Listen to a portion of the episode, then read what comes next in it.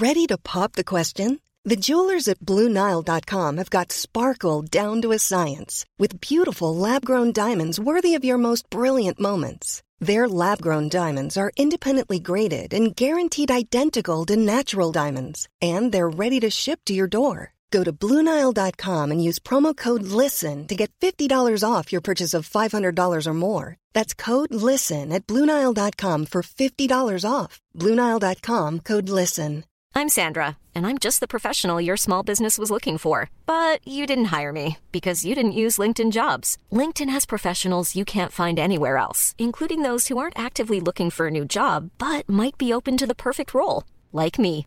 In a given month, over 70% of LinkedIn users don't visit other leading job sites. So if you're not looking on LinkedIn, you'll miss out on great candidates like Sandra. Start hiring professionals like a professional. Post your free job on linkedin.com/people slash people today. Quality sleep is essential. That's why the Sleep Number Smart Bed is designed for your ever-evolving sleep needs. Need a bed that's firmer or softer on either side? Helps you sleep at a comfortable temperature? Sleep Number Smart Beds let you individualize your comfort so you sleep better together. JD Power ranks Sleep Number number 1 in customer satisfaction with mattresses purchased in-store. And now, save 50% on the Sleep Number limited edition Smart Bed for a limited time. For JD Power 2023 award information, visit jdpower.com/awards. Only at a Sleep Number store or sleepnumber.com.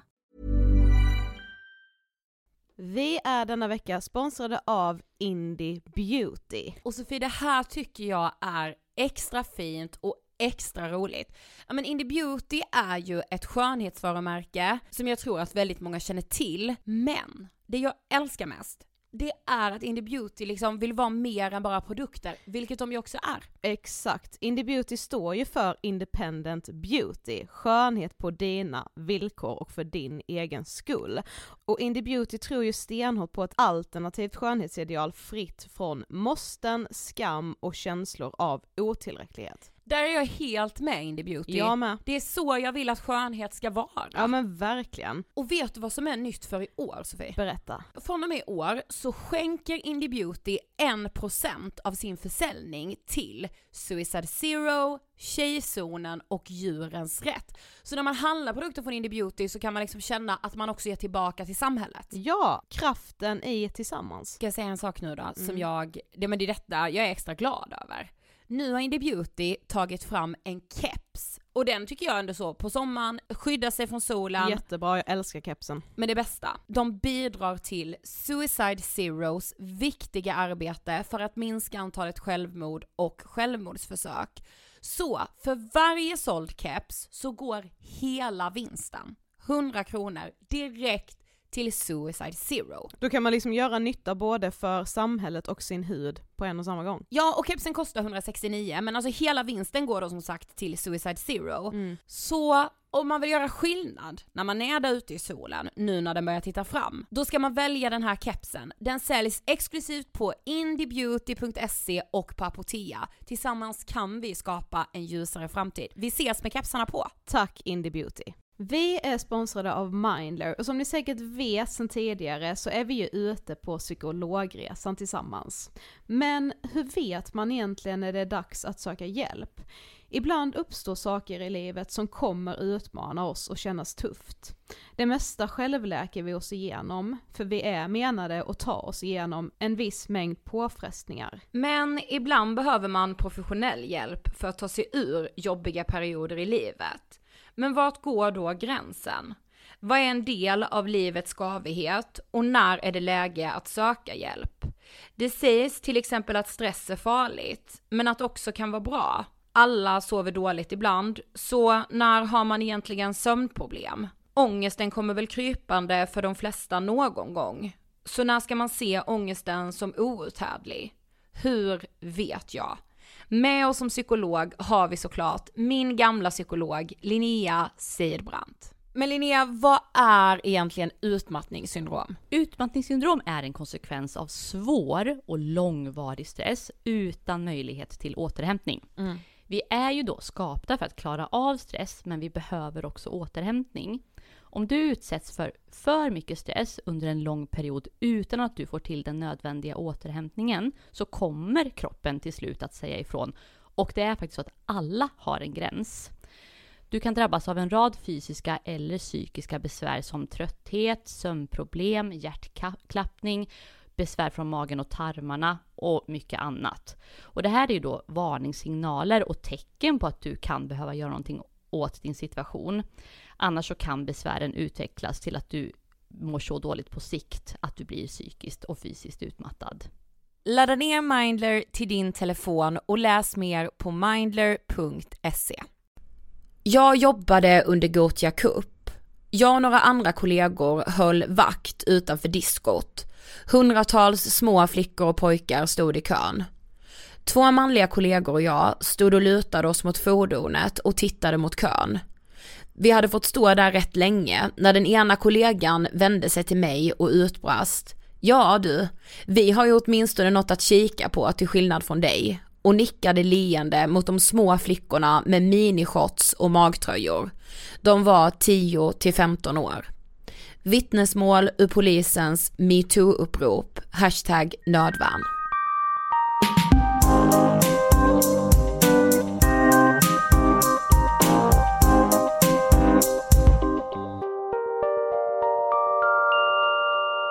Hej allihopa och varmt välkomna till avsnitt 327 av Ångestpodden. Hej på er! Snälla, jag måste ha bladet från munnen direkt. Okej. Okay.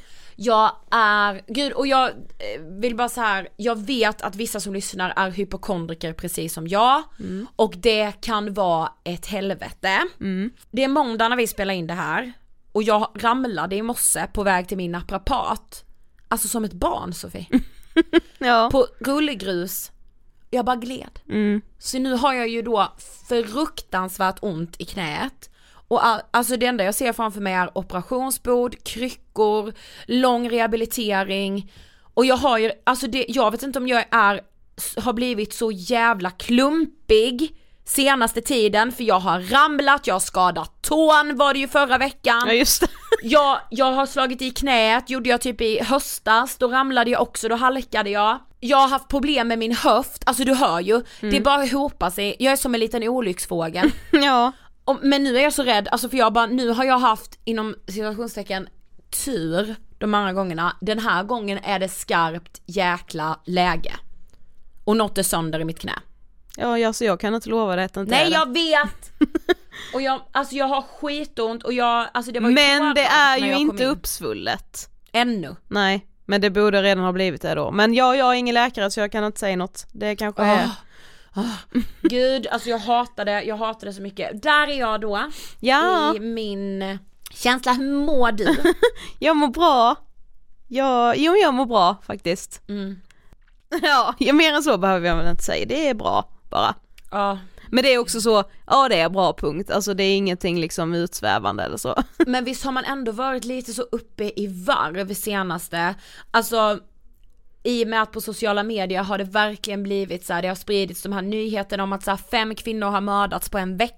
Mm. Alltså du vet så här, jag vet inte, något bubblar i mig. Ja och sen kom ju allting då också med Paradise Hotel. Exakt. Eh, de liksom har pausat hela säsongen, det är två sexuella övergrepp på bara en kväll, de är filmade, alltså mm. det är liksom, ja man har varit väldigt, alltså dels ju såklart förbannad och upprörd och uppgiven men också så här nu jävlar åker ni fast, era jävla svin, alltså. Och vet du, eh, det är ju liksom faktiskt väldigt passande just idag med mm. tanke på att jag har känt mycket att så här, vad hände efter metoo? Mm. Men först, vi är denna veckan sponsrade av Ellos. Ja, och som ni vet vid det här laget så har ju Ellos, de gör ju väldigt mycket för att lyfta kvinnoskapet.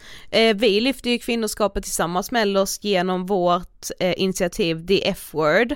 Eh, och idag tänkte vi prata lite grann om när vi har känt att vi liksom inte blir tagna på allvar i liksom typ arbetslivet på ah. grund ah. av att vi är just kvinnor. Vad skulle du säga är så här, någon kommentar du har hört som du känner att så här, det här skulle aldrig ha sagts till en man? eh, bästisarna Ida och Sofie startade en. Typ? Vi får aldrig vara poddarna. nej, eller liksom entreprenörerna. Aldrig. Eh, utan vi är ju de gulliga bästisarna som, nej men så här, vi är de gulliga bästisarna som råkade ha en väldigt fin och bra idé och sen råkade det också bara bli framgångsrikt. Mm. Det var inte på grund av att vi var liksom driftiga, att vi såg att det här kunde bli en business. Alltså så här, det var ju inte därför vi startade Ångestpodden, vi gjorde det för att det kändes väldigt viktigt men det är klart att vi hade en dröm om att det skulle kunna bli vår business också. Exakt. Och det älskar jag. Ja men du vet, något som jag eh, verkligen så kan, kan reagera på att folk frågar oss ibland så här, men tror ni inte killar blir skrämda av att ni liksom gör det här på egen hand? Ja, Som att så här, vi skulle behöva någon kille som håller oss i handen ja. genom vårt typ företagande, det är så himla konstigt. Och alltså vi har ju verkligen varit på, det var ju väldigt tidigt i, i vår liksom själva businessresa, vi hade haft ångest på det i några månader, skulle starta upp eget företag och skulle ju på ett bankmöte med en man, han var ju liksom, han var ju absolut äldre än oss men han var ändå yngre än den här medelålders mannen. Ja. Han var ju ändå ganska ung i sin Ja. Eh, och så som han såg ner på oss, det är liksom det bland det sjukaste jag varit med om. Alltså han satt typ och skrattade åt Ja. oss. Men får jag säga, jag, jag ser ju kvinnor överallt som, alltså vad ska man säga, ritar om kartan. Ja. Alltså du vet kvinnor som är framtiden, som går först i ledet, som går i bräschen. Pff, det inspirerar mig på ett sätt. Jag Ja, vet inte. och vadå hela liksom influencerbranschen är ju skapad av kvinnor. Ja, Verkligen. vilket är liksom gåshud all over the place. Ja men verkligen. Och Ellos vill ju också hylla kvinnor, kvinnoskapet, vi ska få växa som kvinnor, vi behöver inte så imitera män Nej. för att vi ska bli framgångsrika eller för att vi liksom ska kunna brinna för någonting, att förverkliga våra idéer, vi ska vara kvinnor i det. Precis, och inte vara duktiga på någonting trots att vi är kvinnor, eller bara du är bra på det här, fan vad bra, bra du är på det för att vara kvinna. Ja, bort, bort, bort. Men jag älskar faktiskt att Ellos verkligen tar ställning för liksom kvinnors rättigheter, de värdesätter det och därför värdesätter jag Ellos. Exakt. Och jag vill också tipsa om på Instagram att gå in på hashtag equallywomen och bara så ta del av allt som delas där för man blir stärkt. Tack Ellos. Veckans avsnitt. Ja, Vi ska ju prata om trakasserier och liksom tystnadskultur inom svensk polis idag. Mm. Och vi har med oss Kerstin Dejemyr som ju har eh, själv varit polis, Ja. som inte är det längre. Hon var ju med och startade polisens metoo-upprop, hashtag nödvärn. Mm. Eh, och man kan väl säga att efter detta så, alltså hon kände sig ju nästan tvingad att lämna myndigheten. Mm. Vi kommer prata om det här såklart. Men det som jag tyckte när, liksom när vi skulle träffa Kerstin, allt jag kunde tänka var så här. vad händer i vårt samhälle när den som ska vara beskyddaren blir förövaren? Ja. Och vem ska man, vem kan man lita på? Jag vet. Förlåt Sofie men alltså powern Ja, jag kände av Kerstin. ja. Snälla. Det är också mycket dialekt i dagens avsnitt vilket Ja. jag älskar. Jag älskar det. Ja. Vi rullar intervjun med Kerstin Dejemyr. Varsågoda! Hej Kerstin och varmt välkommen till Ångestpodden. Tack snälla för att jag fick komma hit. Det är väldigt kul att ha det här. Tack. Men du ska få berätta för de som inte vet, vem är du? Ja, Kerstin Dejemyr, född och uppväxt i Karlskrona. Eh, Jag tänkte, för vi är från Karlshamn. Ja, jag hör det. Vilket innebär att min dialekt kommer säkert förändras över hand här. Åh vad härligt. Vi påverkar varandra. Eh, på en gård i Karlskrona, eh, började jobba inom vården. Jag började jobba, eh, mitt mål var att bli sjuksköterska.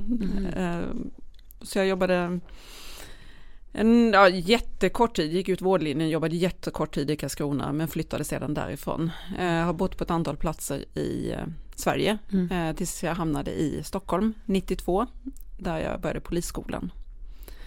Eh, och och eh, ja, alltså för mig var det resan mot att bli polis var väl kanske inte liksom helt självklar, för jag hade ju siktet inställt på vården och psykiatrin och att det var där Ja. jag skulle jobba. Mm. Men jag kan ju någonstans se att det finns väldigt många likheter mellan vårdyrket och polisyrket. Ja. Ja. Mm. Eh, vi ställer en fråga till alla gäster i Ångestpodden, nämligen vad tänker du på när du hör ordet ångest? Mm. Alltså ångest är ju så otroligt, eh, jag tänker att man, eh, att man slarvar lite med uttrycket idag. Eh, men att det också är en- liksom den självupplevda bilden av ångest som Mm. måste få råda och att det inte finns någon konkurrens i vad som är ångest. Att ångest är ju den egna smärtan och den går inte att jämföra. Men när vi hamnar i ett konkurrensförhållande om vem som har mest ångest och vad den ångesten betyder, då tappar vi lite grann bort liksom, uttrycket att man mår dåligt. Ja, och, Och det är ju väldigt många som ska börja då, varför mår du dåligt eh, i det du har? Eller jag mår ju mer dåligt än vad du gör. Och där man då, som sagt den konkurrensen kan vara förödande. ja. Men jag vet ju också att ångest påverkar ju så många fler än den som har ångest. Alltså ångesten eh, hos den som har ångest har ju ångest för att få ångest och de runt omkring har ju ångest för att den som har ångest ska få ångest. så att det blir ju så, sånt otroligt följdverkan i det. Mm. Men, eh, och det var det långa svaret, men det korta svaret, ångest påverkar så många fler än den som har det. Mm. Eh, men jag tycker att man slarvar med uttrycket, för att må Mm. dåligt, det är inte farligt. Nej. Och att må dåligt behöver inte nödvändigtvis betyda ångest, som ändå är en, liksom en, ett, ett sjukligt begrepp. Precis. Mm. Och det får man vara försiktig med. Mm. Men du är ju just nu aktuell med boken Gärningsmannen är polis som du har skrivit tillsammans med journalisten Lisa Bjurvald. Stämmer. Och idag ska vi framförallt prata om sexuella trakasserier inom poliskåren. Just det. Eh, varför ville du skriva den här boken? Eller ni? Mm. Alltså för mig var det viktigt eh, och jag tror att jag började någonstans säkert långt tillbaka innan jag blev polis. Eh, Att samla på mig, eller säkert jag gjorde det, samla på mig berättelser och försöka förstå eh, hur beteenden och hur människor hänger ihop och varför det blir som det blir. Och det har ju varit viktigt för mig också en, en, i en terapeutiskt hänseende men också att jag tycker det är kul att skriva. Mm. Eh, jag har ju som sagt alltid sökt mig till människor i någon form av utsatthet eh, och också tyckt att det varit både spännande men att jag har, är bra på att möta de människorna. Så att samla de här berättelserna handlade ju väldigt mycket om att få andra att förstå hur situationen kan vara. Jag skrev ju en bok 2016 Mm, eh, som är en lite skönlitterär bok. Eh, som jag egentligen trodde handlade om våld i nära relation där miljön var polisen. Men jag förstod ju 2017 att jag hade skrivit en bok om metoo. Mm.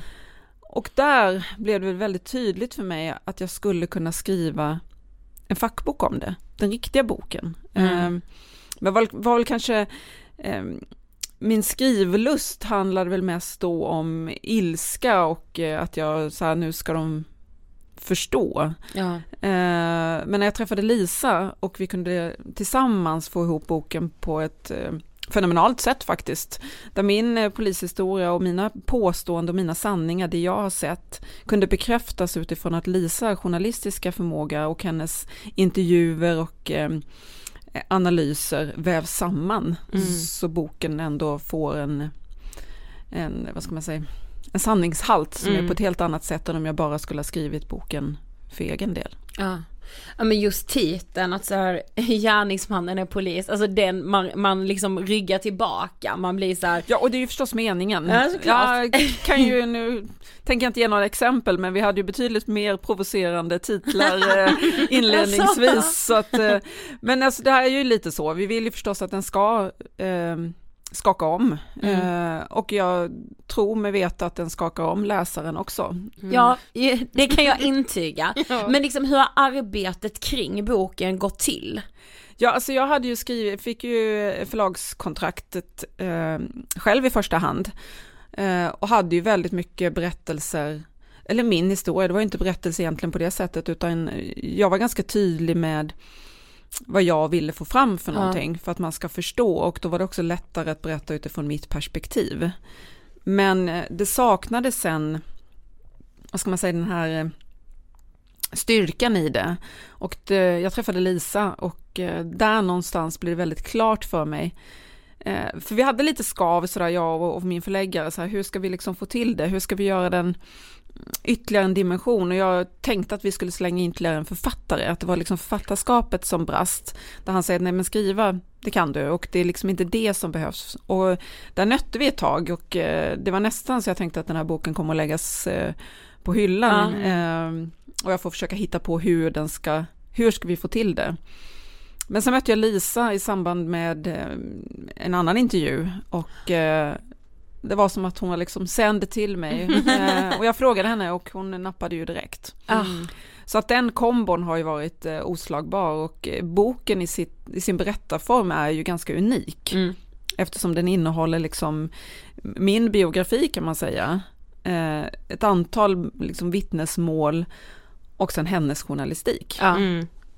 Men du nämnde det, du började du på polishögskolan 92 Stämmer. och hur, hur kommer det sig att du liksom lämnade då det här liksom vårdbenet som du ändå hade varit inne och snuddat vid? Eh, ja men det var väl säkert, eh, alltså det, jag vill tro att det är så här, jag, jag har säkert liksom glömt bort det så, men jag, jag fick ju någon slags, eh, ja men någonstans fick jag reda på att man sökte till polishögskolan, sökte elever. Jag hade aldrig ens funderat på att bli polis, mitt sikte var så enormt liksom fast inställt på att jobba inom vården, bli sjuksköterska. Mm. Jag hade för dåliga betyg när jag gick ut vårdlinjen så jag var tvungen att plugga på komvux. Eh, och där första gången i mitt liksom, liv så öppnade jag böckerna och insåg att det var ganska kul att plugga. Mm. Det var inte så svårt. Mm. Eh, jag hade ägnat mig åt, eh, åt ridning och mina hästar i hela min liksom, skoltid men nu så kom jag på annat. Eh, och helt plötsligt fanns det fler möjligheter för mig, det fanns fler options. Mm. Så de alternativen som jag hade, som jag liksom tänkte att jag skulle söka, det var förutom då sjuksköterska så var det jurist och präst. Mm. Men sen hittade jag ju den här eh, ansökan då till polisen eller att de sökte elever till polishögskolan. Och där var det väl så att någonstans vill jag ju se om jag kunde komma in. Ja. Eh, eh, och eh, jag kan ju tro att någon sa att du kommer inte in. Och då var det ju liksom upp till bevis. Ja, Eh, jo, skaffa mig. Ja, exakt. De där små hornen bara liksom växte ut så här. Ehm, och jag vet egentligen inte riktigt, eh, liksom, jag var inte förberedd på vad yrket var. Jag var så säker och alla de här yrkena som jag räknar upp Mm. har ju samma syfte. Mm. Fast man har olika verktyg att komma åt en människa som någonstans befinner sig i en utsatthet. Ja. Ja. Så att jag kan ju se att jag hade kunnat göra allihopa. Mm. Ja. Eh, Men nu kom jag in på polishögskolan och det trivdes jag ju med. Jag tyckte om att vara polis och jag tyckte om yrket och var väldigt stolt över att, att jag hade kommit in. Mm. ja, såklart. Men eh, det är klart att de andra yrkena, det hade säkert varit precis på samma sätt och att jag hade med mig de värderingarna som gör att jag har skrivit boken och att jag startade polisens metoo-upprop. Det Mm. hade jag nog haft oavsett i vilken organisation jag hade befunnit mig. Ja. Mm. Så det har nog inte, men det är klart att det stack väl kanske ut utifrån hur polisen, hur, den, hur det är Ja. inom polisen. Men jag Mm. tror att jag hade gjort samma oavsett var jag hade varit någonstans. Mm. Ja. Men du har ju haft en lång karriär inom polisen, alltså vad liksom, vad har du jobbat med inom polisen? Eh, ja, man startar ju som radiobilspolis, Ja. eh, börjar med det. Men sen har jag ju jobbat med eh, eh, alltså våld i nära relation, sexualbrott, Mm. eh, brott mot barn eh, och ungdomsbrott. Ja. som utredare och senare som FU-ledare. Jobbat mycket med ledarskapsutbildningar och förändringsledning inom polisen. Eh, och sista åren innan jag slutade så jobbade jag på strategisk nivå med metodutveckling Ah, ah. och eh, som verksamhetsspecialist. Mm. Men allt inom, om man säger familjerelaterade Mm. ärenden. Mm. Mm. Det finns en särskild grupp män här som öppet öppet vägrar utföra arbetsuppgifter, som skriker åt kvinnliga medarbetare och chefer, som ifrågasätter åklagardirektiv om det är en kvinnlig åklagare, som går ut ur rummet när kvinnor talar, som bemöter kvinnliga brottsoffer med hån och förakt, som i fikarummet sprider målsägarens berättelse om grovt förtal med sexuell innebörd och öppet skrockar att fy fan vilket lyder hon är. Vittnesmål ur polisens metoo-upprop, hashtag nödvan. Jag arbetar som chef och har bara under den här hösten fått höra Du din lilla fitta, fy fan vad vi skrattar åt dig och ditt projekt. Du anar inte hur löjlig du är. Du kan ingenting. Jag har jobbat i 40 år och du ska inte tala om vad jag ska göra. Du är helt dum i huvudet. Sen är det förstås uteslutanden, hånleenden, bastumöten och dagliga sexistiska kommentarer om både medarbetare och målsägare. Vittnesmål ur polisens metoo-upprop, hashtag nödvärn. Och som sagt under metoo-hösten 2017 så startade du då polisens upprop, eh, hashtag nödvärn. Eh, hur kom det sig att du gjorde det? Alltså hur gick det till? Jag var ganska sen på bollen.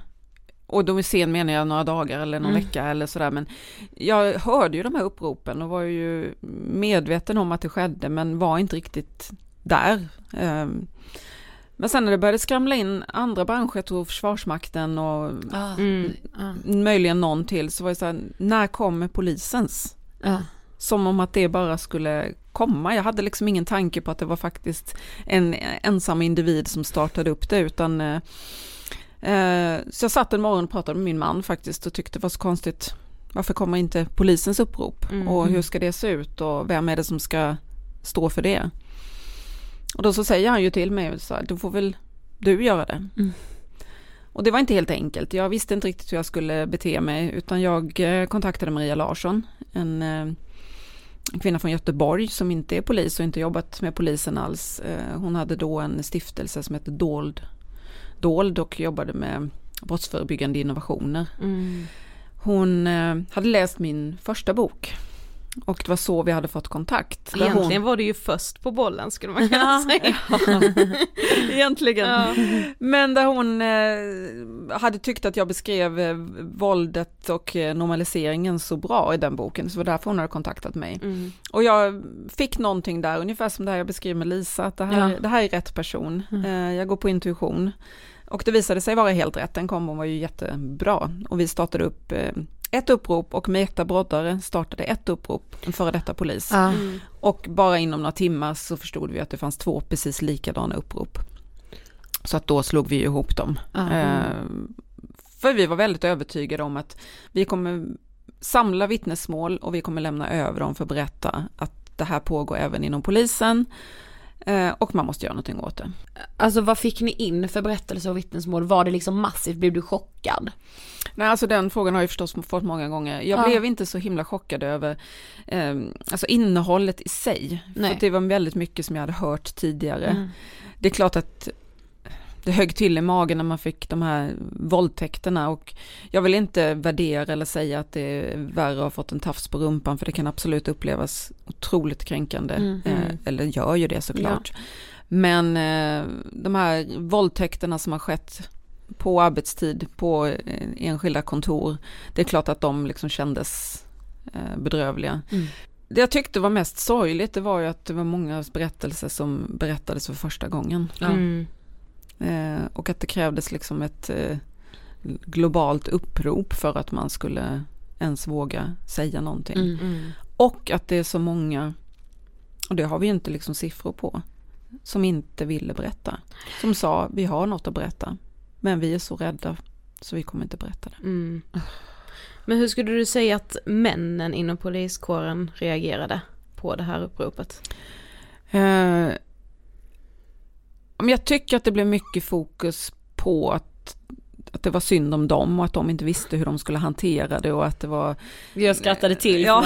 här, Ja men lite Mm. var det så att det liksom blev så här, ja men nu kan man ju inte göra någonting och får man, eh, får man Hur ska säga jag nu ragga? Exakt, och får jag, får jag krama dig eller får jag flörta Ja, med dig det, eller får mm. jag göra det så här och som om att det beteendet liksom ja, men vet du inte hur du ska uppföra dig och förstår du inte hur någon form av liksom relation byggs upp eller hur en attraktion byggs upp, ja men då kan du gå hem och lägga dig. För det är liksom, eh, det har man ju i sig, det är inte Mm, så att exakt. du inte helt plötsligt inte kommer att kunna liksom vara på jobbet. Det var otroligt mycket eh, liksom raljerande och man skämtar om det och jag, jag kan ju tycka att vad ska man säga, i kölvattnet av det så blev det ändå så att man började prata mer om det. Mm.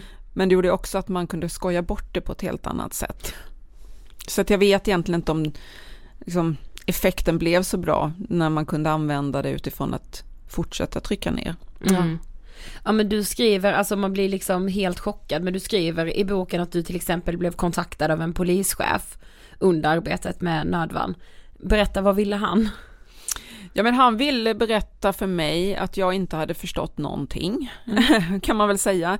Han ville eh, säga att det här hade påverkat mig negativt, eh, att jag var förgrundsfigur för det här eh, och att han uppmanade mig egentligen att spring för livet, som Mm. han sa. Att eh, det här är inte bra för dig, du har fattat allting fel eh, och eh, det kommer inte gå vägen. Det var lite som alltså, ett hot om att så här, du kommer inte få ha kvar jobbet eftersom du nu har lyft på det här locket liksom.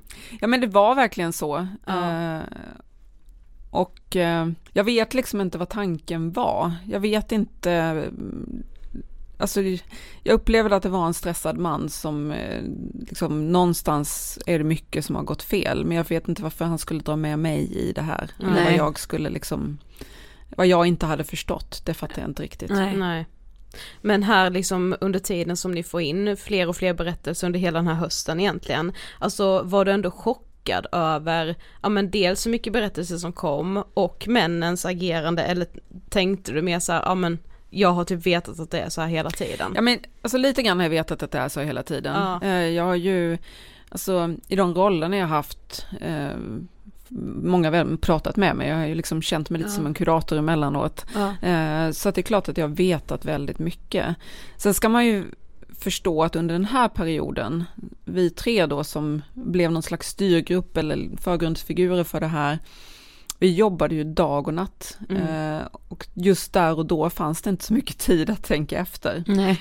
Eh, för det var ett eh, otroligt intensivt arbete Mm. under de månaderna. Alltså jag, jag funderar liksom själv, det har jag gjort nu när jag har läst boken också, att så här, varför tror jag, alltså det är som att jag alltid har tänkt att alla inom polisen är de godaste människor, alltså så här, Ja, men det är väl den bilden man vill ha. att jag bara såhär, varför skulle de männen, alltså alla branscher vittnade, men polismännen, de skulle, alltså att det är det som jag typ Ja. har tänkt. Ja men alltså så vill vi ju att det ska vara Ja. och jag tänker att det ska få vara så. Det finns ju otroligt mycket godhet och mycket som är bra. Det man ska förstå det är att eh, alltså det som händer och mekanismen när man tillåter någon att bete sig eh, eller den, liksom inte gör någon konsekvens av det det är ju att de andra vacklar i hur de ska vara. Så att även de som är, är goda kanske ser upp till den som inte kan uppföra sig. Ja. Som om att det är det beteendet som vi ska främja. Ja det är så sant, ja. Så att där och då i den kontexten så beter man sig på ett sätt och jag skriver ju även det i boken att man blir liksom nedmonterad. Ja. Till slut så vet du inte riktigt hur du ska bete dig. För om de eh, icke goda beteendena inte styrs in i goda beteenden, då helt plötsligt beter du dig ju icke bra. Ja, Mm. För att det är kanske så du ska vara. precis. Men kunde man känna att man blev nedmonterad, alltså som kvinna också? Ja men det tycker jag. Jag, jag upplever att alla blir nedmonterade för att eh, byggas upp i den manliga normen. Mm. Eh, och eh, alla skulle jag säga, oavsett om du är man eller kvinna, som inte knäcker koden för att passa in, för den finns ju inte någon manual för hur du ska vara. Men om du inte passar in, oavsett vad det må vara, att du är annorlunda och sticker ut, att du inte platsar i den här boxen, Mm. då kommer du att liksom inte ses som att du är som du ska vara. Mm. Ja. Och då blir heller inte yrkeslivet jätteroligt. Alltså, nej, och då blir nej, det besvärligt det och det kommer just- skava hela tiden. Precis. För Ja. att det, det går liksom inte att göra om sig själv Nej. i vilken omfattning som helst. Nej. Men också när man läser din bok så förstår man ju så här att det är extremt ojämställt inom polisen. Men kan inte du ge några exempel? Nej, men sen ojämställda i sig är ju det som vi även ser i samhället. Ja. Eh, alltså löner eller utvecklingar i eh, säg, chefsbefattningar eller Mm. tjänster eller annat. Sen är det klart att det är ojämställt utifrån och det håller man ju på att liksom göra bättre men det, uniformen till exempel Mm. är ju inte anpassad för kvinnor. Jag har ju en sån här eh, på 90-talet tog man fram en ny uniform då- då skulle, det finns ju en, vad säger man, en kjol som ser ut som en här flygvärdinne-kjol. Ja, just det. Och den är väl helt okej och ser ganska bra Ja. ut. Men då fick man för sig att man skulle ta fram en kjol som man skulle kunna använda när man arbetade ute. Så man gjorde en plisserad byxkjol med enorma mängder tyg i. Och den tyckte man då att kvinnor skulle ha. Och det är jättesynd att jag inte har kvar den. för den är, och det är så här att jag vet liksom inte vem som tog fram den och tyckte då att det här är liksom Ready to pop the question? The jewelers at BlueNile.com have got sparkle down to a science with beautiful lab grown diamonds worthy of your most brilliant moments. Their lab grown diamonds are independently graded and guaranteed identical to natural diamonds, and they're ready to ship to your door. Go to BlueNile.com and use promo code LISTEN to get $50 off your purchase of $500 or more. That's code LISTEN at BlueNile.com for $50 off. BlueNile.com code LISTEN. I'm Sandra, and I'm just the professional your small business was looking for. But you didn't hire me because you didn't use LinkedIn jobs. LinkedIn has professionals you can't find anywhere else, including those who aren't actively looking for a new job but might be open to the perfect role, like me. In a given month, over 70% of LinkedIn users don't visit other leading job sites. So if you're not looking on LinkedIn, you'll miss out on great candidates like Sandra. Start hiring professionals like a professional. Post your free job on linkedin.com/people slash people today. Quality sleep is essential. That's why the Sleep Number Smart Bed is designed for your ever evolving sleep needs. Need a bed that's firmer or softer on either side? Helps you sleep at a comfortable temperature? Sleep Number Smart Beds let you individualize your comfort so you sleep better together. JD Power ranks Sleep Number number 1 in customer satisfaction with mattresses purchased in-store. And now, save 50% on the Sleep Number limited edition Smart Bed for a limited time. For JD Power 2023 award information, visit jdpower.com/awards. Only at a Sleep Number store or sleepnumber.com.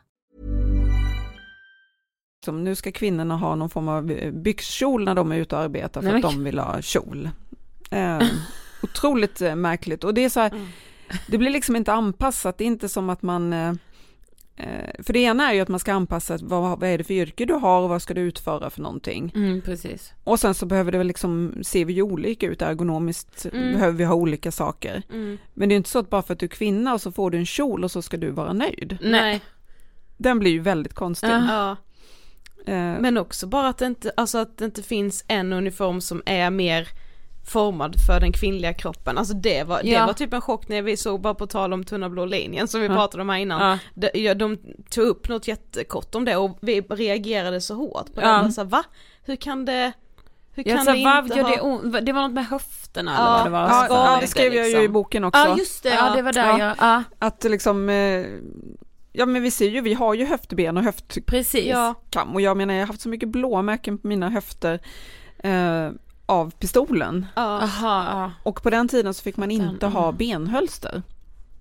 Eh, för att det, ja jag vet inte, det, var, ju- det fick man inte ha. Det skulle Mm. man ha om man var en insatspolis eller om man, men inte en vanlig polis fick inte ha det.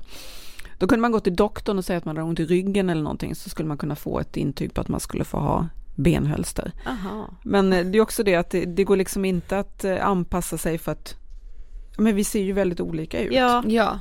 Men Ja. eh, men det är ju vissa som menar att polisen nästan är som en sekt. Mm. Var kommer det ifrån liksom? nej men jag tror att det, anledningen till det är att det är så otroligt begränsad insyn Mm. Eh, till polisen. Där man ger en bild, man vill att det ska se ut på ett visst sätt. Eh, och man är ganska ogenerös med att eh, berätta hur du är. Mm. Eh, där man, det jag tycker att man egentligen skulle göra helt tvärtom. Jag menar nu har man ändå startat upp, man har någon eh, podd och man har liksom, Ja, eh, man försöker ändå visa på vad som finns, men det är ju extremt tillrättalagt. Mm. Eh, det är ju inte så att man, man har ju till och med släckt ner så här Instagramkonton när man tycker att någon visar för mycket. Vi har, det skriver jag också om i boken, tror jag, den här kvinnan som, som visar på sociala medier utifrån sin studietid. Mm. Men får ju liksom samtal om att hon inte får visa de här grejerna. Där det inte på något sätt visas någonting som allmänheten inte vare sig får eller redan vet någonting om. Och där blir det ju så tokigt för att om man inte är generös då blir det ju det här sektliknande. Ja. Vad pågår egentligen? Mm. Och finns det något, stämmer den här bilden eller är det någonting helt annat? Det är ju den man börjar fundera på. Är det, är det sanningen vi får se Mm. eller är det något som är liksom tillputsat? Ja. Ja men det känns som att det är sån extrem, vad heter det, kåranda. Alltså att man liksom ska alltid hålla varandra om ryggen, det ska liksom, alltså är det något som bara, alltså så här, lär man sig det eller är det så här, det är så ingjutet i liksom myndigheten på något sätt? Nej men alltså kårandan i sig är ju, eh, vad ska man säga, positiv Ja, egentligen. exakt, För att såklart, den är ju men- så här, den, den är ju ändå liksom, eh, man står där för varandra, man är där, man håller ihop. Det, Precis. Och det är ju ett skydd, det är, ju- det är ju viktigt någonstans i en situation. Men när den blir destruktiv eller börjar gå ut att man inte eh, blottar någonting som inte stämmer Mm. eller att man vågar säga ifrån, då blir den ju inte bra. Då gör den ju illa. Mm. Och det är så lätt att luta sig bakom eh, kåranden, ungefär som att säga att kulturen sitter i väggarna. Det är Ja. samma här, att det är våran kåranda. Ehm, Den får man vara lite försiktig med, för att den kan göra mycket mer skada än nytta egentligen. Mm. Ja det känns som en så hårfin gräns. Ja, och grejen är den att den är också så otroligt sårbar. Mm. För att du är med i kåren, sen gör du fel saker, då är du helt plötsligt inte med. Ja. Varf- liksom, och vad som är fel, det Mm. vet vi ju inte heller. Det kan vi Nej. inte gå till någon bok och liksom läsa vad som är fel, utan helt plötsligt så vet man att man har gjort fel saker. Ja. Och då är man inte med i kårandan längre. Nej. Nej för det är lite nästa fråga också som du skriver om att så här, det finns ständigt liksom ett hot om utfrysning. Berätta om det, alltså hur kan Nej det men det är sig? precis det. Ja. Eh, att man vet ju inte vad som inte passar in eller Nej. vad som inte är okej. Eh, och det kan gå väldigt, väldigt fort. Och den rädslan pratar jag mycket om, att den här, liksom, att rädda människor är farliga människor. Om jag Mm. går runt och är rädd på jobbet, för att jag känner att jag kanske inte riktigt hänger med av någon anledning eller inte riktigt förstår eh, de som jag jobbar med eller man inte får vara annorlunda, man får inte sticka ut utan man kämpar för att vara ungefär likadan som dem. Då är det väldigt lätt hänt att man gör någonting som inte är okej Mm. Mm. och då får man helt plötsligt inte vara med. Och då påverkar ju det även när jag är ute och jobbar och jag möter allmänheten och då gör jag sannolikt inte ett bra jobb. Mm. För om jag funderar på om jag gör rätt nu eller om jag gör fel eller om jag säger rätt saker och har jag alla med mig hela tiden. Det är ju den ena, rädslan bara för sitt beteende. Och sen kommer den andra rädslan, det är ju för att någon ska ta mig på brösten eller eh, säga någonting som verkligen kränker mig sexuellt. Ja. Mm. Och då ska jag, man gå rädd för flera saker. Och hur ska man då kunna vara liksom 100% närvarande i sitt uppdrag? Ja det känns ju i princip helt omöjligt. Ja. Alltså om du sitter i en polisbil och sen så har du precis blivit sexuellt trakasserad eller kränkt eller någonting och så kliver ni ut och så ska ni möta någonting ute på stan. Mm. Hur ska man då förvänta sig att den här patrullen ska göra ett arbete som är hundraprocentigt? Nej, alltså, Nej. Det går ju inte. Men i boken så undersöker ni också polisens chefer, alltså hur de har ställt sig till andra mäns sexuella trakasserier. Vad fann ni då? Ja men alltså det är ju en, en tystnadskultur och en eh, Alltså jag skulle vilja säga att man inte ens vill liksom eh, se det på det sättet. Man, Mm. man vill inte det är någon annan. Man väljer gärna bort utifrån att det kan inte vara någon av de här utan det är kanske de andra eh, liksom i nästa led men inte de som är allra närmast. Eh, och jag vet inte om man verkligen på riktigt tror att man i, i alla led kan stå och säga att det här inte förekommer eller att det inte sker eller att det är liksom enstaka individer eller att eh, ja, det förekommer inte hos oss men hos någon annan. Mm. Mm. Hur, jag vet inte hur länge man liksom ska klara av att göra det. Nej. Och det verkar man ju ha kunnat hålla på med ganska länge. Ja. Mm. Eh, Men jag tänker mig för något som mig känns återkommande i boken är just att det verkar finnas en inställning att så här, alltså man är så himla förlåtande att så här, men Stefan är ju så, Thomas har ju alltid varit så, han skämtar bara, alltså den här som är, som är så skadlig. Att så här, i den lilla stunden så tycker man att så här, men han är ju så, men liksom i det stora hela är ju det det största problemet. Och där kommer du in på något jätteintressant, för att det funkar ju så länge som man Alltså det här beteendet att man liksom, ja men det är ju han och det är han Ja. och han gör bara så, han gör det när han är full. Och sen så ibland så gör någon någonting som inte ingår i den här liksom tajta gruppen. Då får det konsekvenser och då tycker man att man har gjort, låt oss säga att ja men Stefan och Markus och Pelle och Kalle, Mm. de beter sig illa men de tycker vi om. Mm. Mm. Så då säger vi, ja men det är ju bara dem. Sen kommer Niklas in och gör samma sak, men han tycker vi ju egentligen inte riktigt om. Så då får det konsekvenser. Mm. Mm. Och så visar man upp det, men vi tittar, vi gjorde ju så här med Niklas. Mm. Han fick ju liksom, eh, vi hade samtal och vi hade koll på honom, vi flyttade på honom, vi gjorde grejer. Då har vi ju faktiskt gjort vad vi skulle göra. Ah, En gång av. En gång. Och han, för han var ju, han var ju, han, han var ju lite annorlunda. Ja, han, han ville man kanske ändå omplacera så Exakt, då fick och han han en in- anledning att göra exakt, det. och han ingick ju inte riktigt i den här gruppen. Nej, precis. kårandan. Mm. Men de andra gör ju det. Mm. Och då är det inte, handlar det inte om vilket beteende det är, utan det handlar om vem som gör det. Mm. Ja, det, ja, Ja, det är, fan. man blir ju galen på det. Ja. Men skulle du säga, alltså, skulle du säga att det finns liksom ett maktmissbruk inom polisen? Men det är klart att det gör. Ja. Eh, det är ju eh, maktfullkomligt utifrån många aspekter. Bara genom att vara polis Mm. så har du ju en maktposition som eh, är väldigt lätt att överskrida och ta liksom för, för mycket makt oavsett om det handlar om liksom, i din organisation eller ute på stan. Ja. Mm. Men att liksom använda den i olika situationer och den här beroendeställningen som per automatik finns inom polisen eftersom vi har en hierarkisk organisation Mm. så är det ju så svårt att veta om man första gången man kliver över gränsen om det är medvetet. Men när det sen fungerar och blir ett normalt beteende då är det ju väldigt lätt att tro att man kommer göra lite, lite mer än vad Mm. man hade tänkt sig från början. Mm. Ja. Ja, för ni skrev också i boken om att manliga poliser ofta återkommer i brott som gäller sexhandel, koppleri och prostitution. Berätta. Ja men det är ju samma där, alltså gränserna förflyttas ju. Mm. Eh, och det är ju inte, det ser ju inte annorlunda ut om du är polis eller om du är en vanlig medborgare. Mm. Alltså när gränsen förflyttas och det är normalt och det är lätt att göra det, Mm. då är det ju såklart eh, inte så svårt att ta nästa steg heller. Nej. Eh, och att de då har gjort det en gång så kan man göra det två gånger, kan man göra det tre gånger. Och blir det då inga konsekvenser eller någon faktiskt kommer och säger att det där beteendet är inte okej. Man får faktiskt inte göra så här. Mm. Nu måste du lära dig uppföra dig. Ja. Eh, för det upplever vi också att det är väldigt få som ens, alltså att det är en sak att det ska gå till åtal och man ska mm, liksom driva det så långt i en rättsprocess. Mm. Men det är ju väldigt få som faktiskt får veta att det beteendet som de har, det är oönskat. Mm.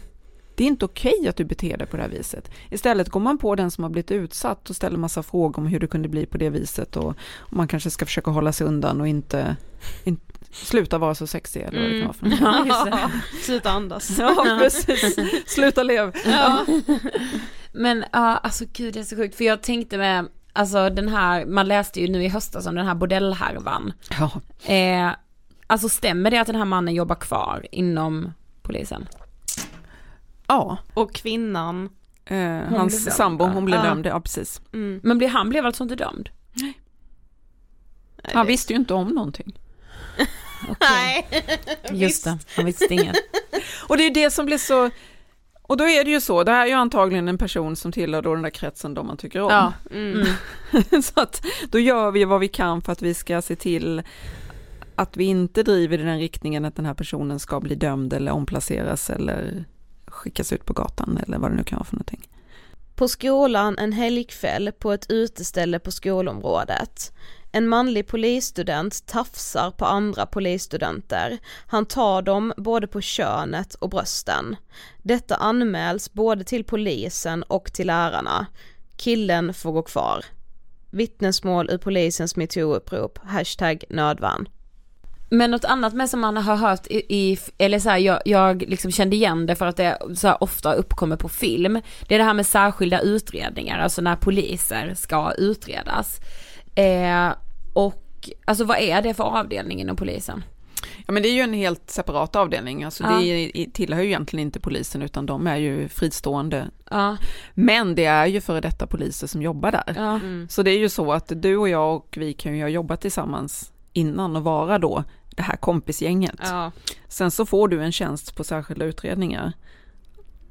Och sen så gör din kompis någonting som man inte skulle ha gjort. Då kommer han ju utredas av en kompis. Mm. mm. Ja det känns ju som att det är poliserna som utreder sig själva på ett sätt. Ja. det är det ju på sätt och vis. Så det har man ju liksom, man gör ju vad man kan rent eh, politiskt och inom polisen att så här hävda att det här är en egen separat avdelning och man har ingenting med det här att göra. Men det är ju inte riktigt på det viset. Nej. Man gör ju vad man kan för att eh, se till att poliserna inte, eh, att inte väcks åtal mot polisen. Mm. Mm. Det, blir, det blir nästan lite som att man är immun som polis så länge du då har en kompis som sitter på en... Ja, och jag tror att du är immun som polis oavsett om du har en kompis eller inte. Mm. Har du dessutom en kompis så är du helt oantastlig. Ja. Så att eh, immuniteten finns där ändå. Ja. Eh, du kommer kunna göra väldigt mycket eh, utan att det händer någonting. Mm. Eh, men som sagt, har du dessutom en, en vän eller du har ett track record, Mm. alltså du behöver inte ens vara vän med den, men du är i en position eller andra tycker att du är i den positionen, då kommer du klara dig långt. Men vad tror du det vad tror du att det gör med poliser? Alltså tror du att det blir att man själv tänker då att man, ja men att man lite står över lagar och regler? Ja men det tror jag. Jag tror att man eh, för det första är ganska, eller såklart är ju väldigt bra på att veta precis vad man ska göra och inte göra för att hålla sig inom någon form av gräns. Ja. Det kommer ju med sakens natur på något sätt. Och sen så tror jag att man alltid tänker att man ska kunna skriva sig ur det eller Ja. trockla sig ur det på något sätt. Mm. Sen har man ju den här, nu kommer vi tillbaka till makt igen, om den utsatta befinner sig i en lägre position, då är ju den i högre position mer trovärdig Mm. per definition. Mm. Ja, vilket bara det är, alltså det är så skadligt. Mm. Eh, men om vi återgår liksom lite till dig och Mm. alltså du blir ju till slut anmäld för ditt Mm. arbete. Men alltså hur är det möjligt? Ja. Hur kan du, för liksom, du gör uppropet hashtag nödvärn, du blir anmäld, va? Ja, och det är så, alltså, det går ju helt i linje med vad man kan förvänta sig eftersom jag som polis har, eller hade då anmälningsplikt.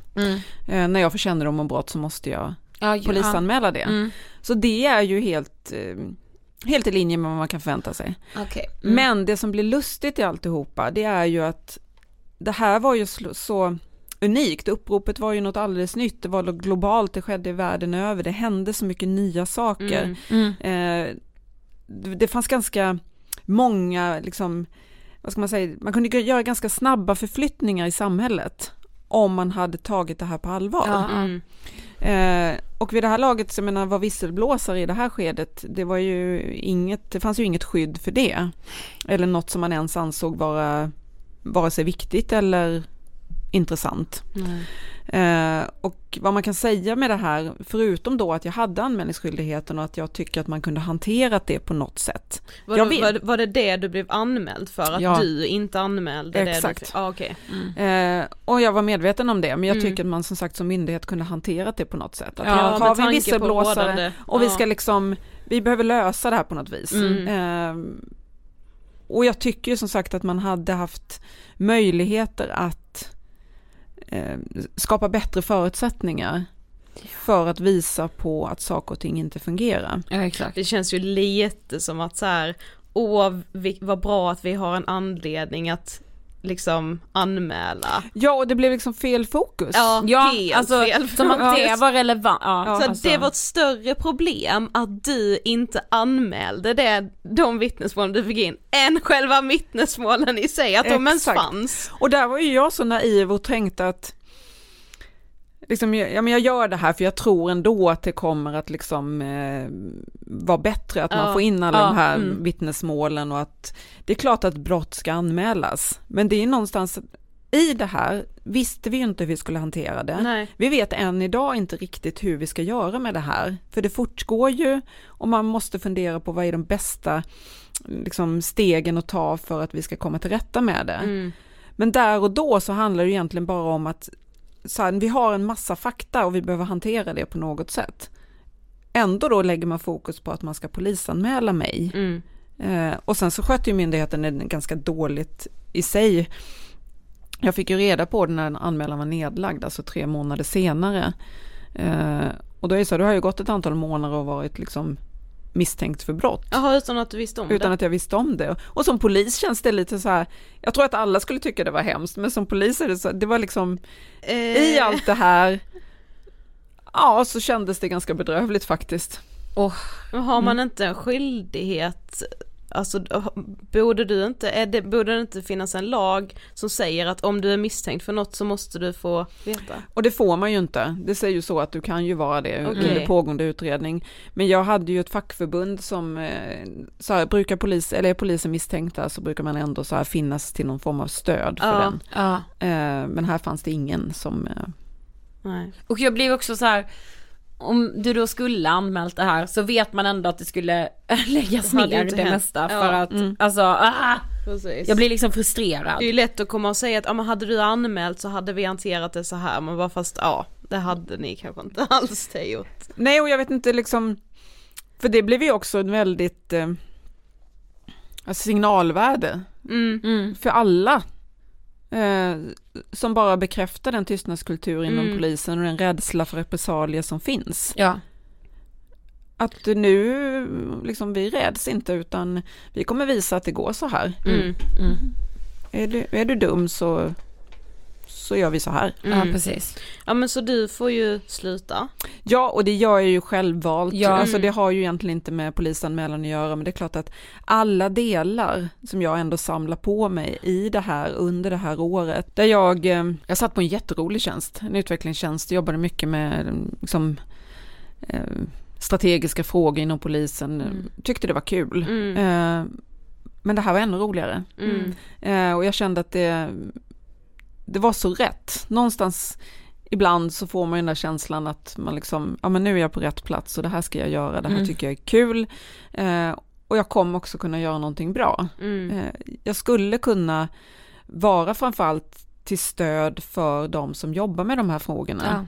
Ja. Eh, och man ville egentligen att jag skulle eh, skriva rapporter om hur man skulle göra eller skriva riktlinjer och skriva, och jag är processledare och eh, handledare och coach. Jag, jag skulle kunna varit på plats Mhm. eh, snarare än att skriva de här riktlinjerna. Ja. För de visste vi ju inte. Vi behöver ju vara där och nu. Det här sker ju liksom hela tiden och man kan inte göra samma sak på samma på olika ställen. Nej. Eh, utan det är ju olika. Mm. Plus att någonstans är så här, var det verkligen jag som skulle göra det inom polisen eller någon annan? Men det man gjorde var ju att man släckte ner metoo helt och hållet. Och man sa att de, det hanterar vi under jämställdhet. Och jag tror inte man kan göra det. Jag tror att metoo är någonting helt Mm, annat. Ja. Jag föreslog att man skulle ha en metoo-samordnare inom polisen. Eh, och man sa nej. Eh, jag tror att det behövs. Jag tror Mm. att det behövs i samhället för som sagt det här är någonting helt nytt. Mm. Det är inte jämställdhet även om det i många delar sorterar där under. Ja. Men, eh, och sen så väcktes ju tanken att jag skulle skriva den här boken. Så alla liksom delar i det. Eh, viljan att göra någonting. Jag fick ju, det var ju många som frågade om specifikt hur uppropet hade gått till Mm. och ville ha hjälp. Man ville också höra oss prata om det, Ja. för att det var intressant. Ja. Eh, och det fick jag ju inte göra. Jag fick inte åka någonstans överhuvudtaget och eh, ens säga ett knyst om de här frågorna. Och boken ja, som ni själva har läst, den hade jag ju aldrig fått godkänt som bisyssla att skriva Nej, den här boken. Nej, nej, nej. Så att det var inte, det fanns inte som alternativ. Utan det var, var inte enkelt, men Nej. det enda valet att faktiskt sluta. Mm. Ja för det måste ändå ha känts liksom väldigt vemodigt eller liksom att du har varit inom polisen sedan 92 då och alltså Ja men så var det ju och jag, Jag tänker man får en identitet i ja men absolut, poli- och jag alltså, mm. är ju polis idag Ja, med på något Mm. sätt. Så. såklart. Alltså, Eh, men, eh, och jag trodde ju inte att jag skulle sluta, det var väl mest det. ja. Alltså det fanns, jag hade inte ens tänkt tanken, det finns otroligt mycket att göra inom polisen med många olika liksom, professioner inom polisen. Mm.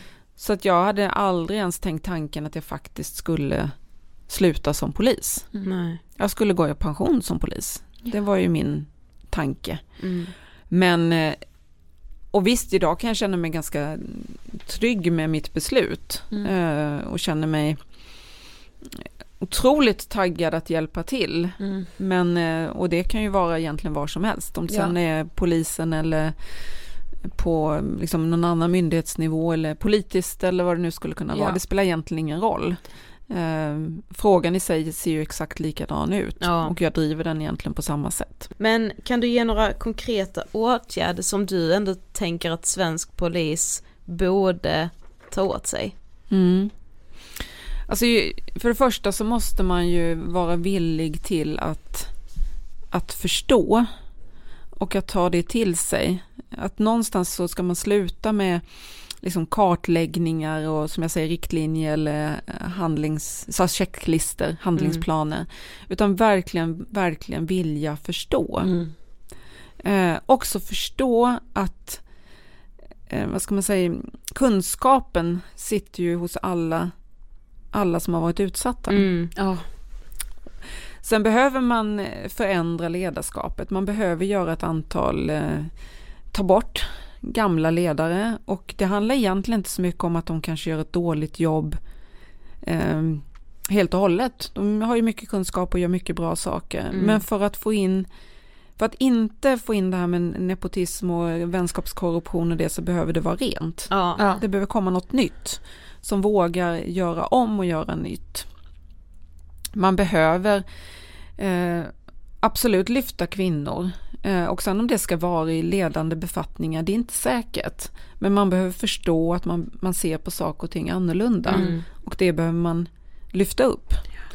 Eh, man behöver ha ett system för visselblåsare. Absolut. Ja. Mm. Eh, och det är väl egentligen kanske,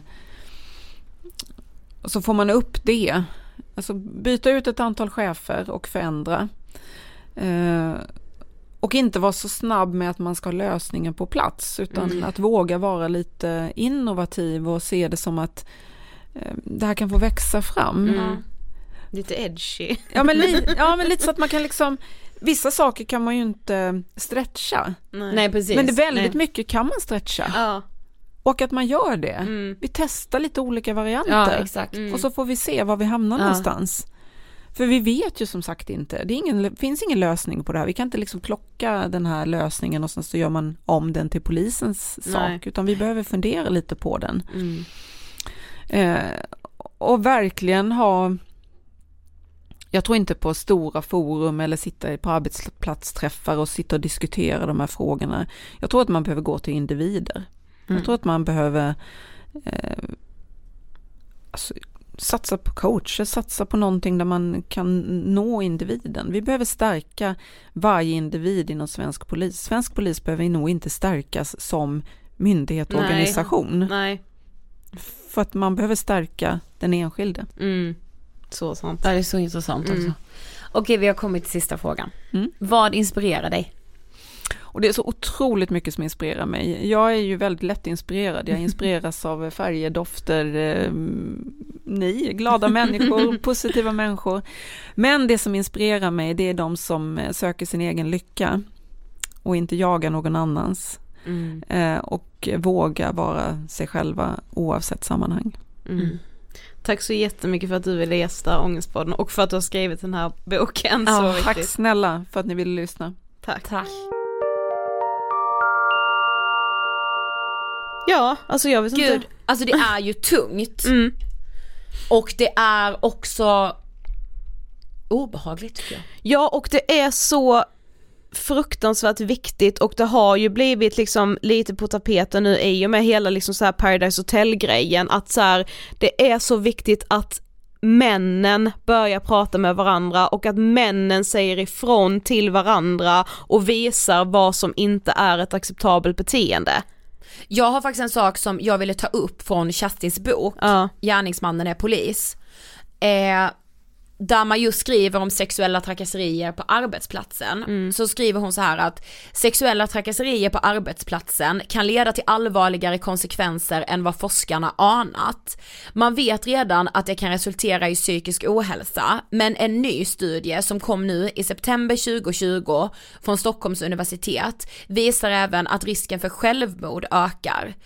Till grund för studien ligger ett omfattande material där över 80 000 svenskar besvarat en arbetsplatsenkät och sen har det här följts upp Eh, och de som har varit utsatta för sexuella trakasserier på jobbet hade en mer än fördubblad risk för att begå självmord.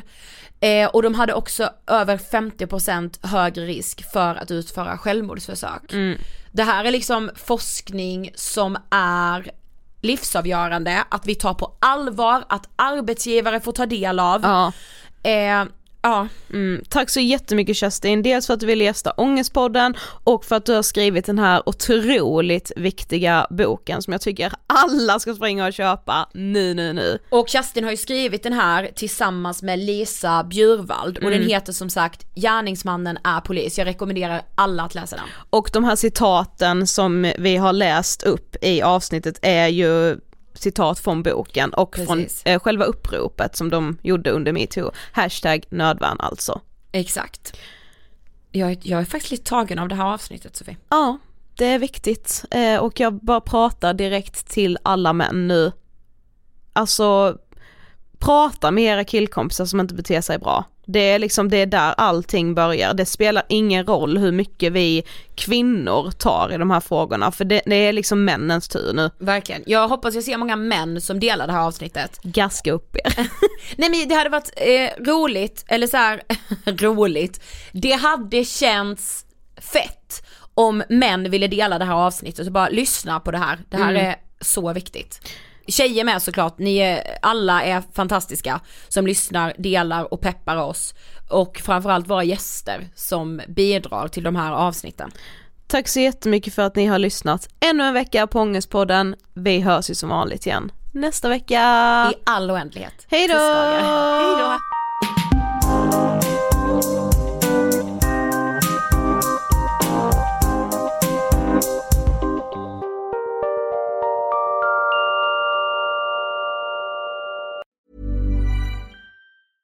Hey, it's Paige DeSorbo from Giggly Squad. High quality fashion without the price tag. Say hello to Quince. I'm snagging high-end essentials like cozy cashmere sweaters, sleek leather jackets, fine jewelry, and so much more. With Quince being 50 to 80% less than similar brands. And they partner with factories that prioritize safe, ethical, and responsible manufacturing. I love that. Luxury quality within reach. Go to quince.com slash style to get free shipping and 365 day returns on your next order. Quince.com slash style. Mom deserves the best, and there's no better place to shop for Mother's Day than Whole Foods Market. They're your destination for unbeatable savings, from premium gifts to show-stopping flowers and irresistible desserts. Start by saving 33% with Prime on all body care and candles. Then get a 15-stem bunch of tulips for just $9.99 each with Prime. Round out Mom's menu with festive rosé, irresistible berry chantilly cake, and more special treats. Come celebrate Mother's Day at Whole Foods Market. Imagine the softest sheets you've ever felt. Now imagine them getting even softer over time. That's what you'll feel with Bowl and Branch's organic cotton sheets. In a recent customer survey, 96% replied that Bowl and Branch sheets get softer with every wash. Start getting your best night's sleep in these sheets that get softer and softer for years to come. Try their sheets with a 30-night guarantee. Plus, get 15% off your first order at bowlandbranch.com. Code BUTTERY. Exclusions apply. See site for details.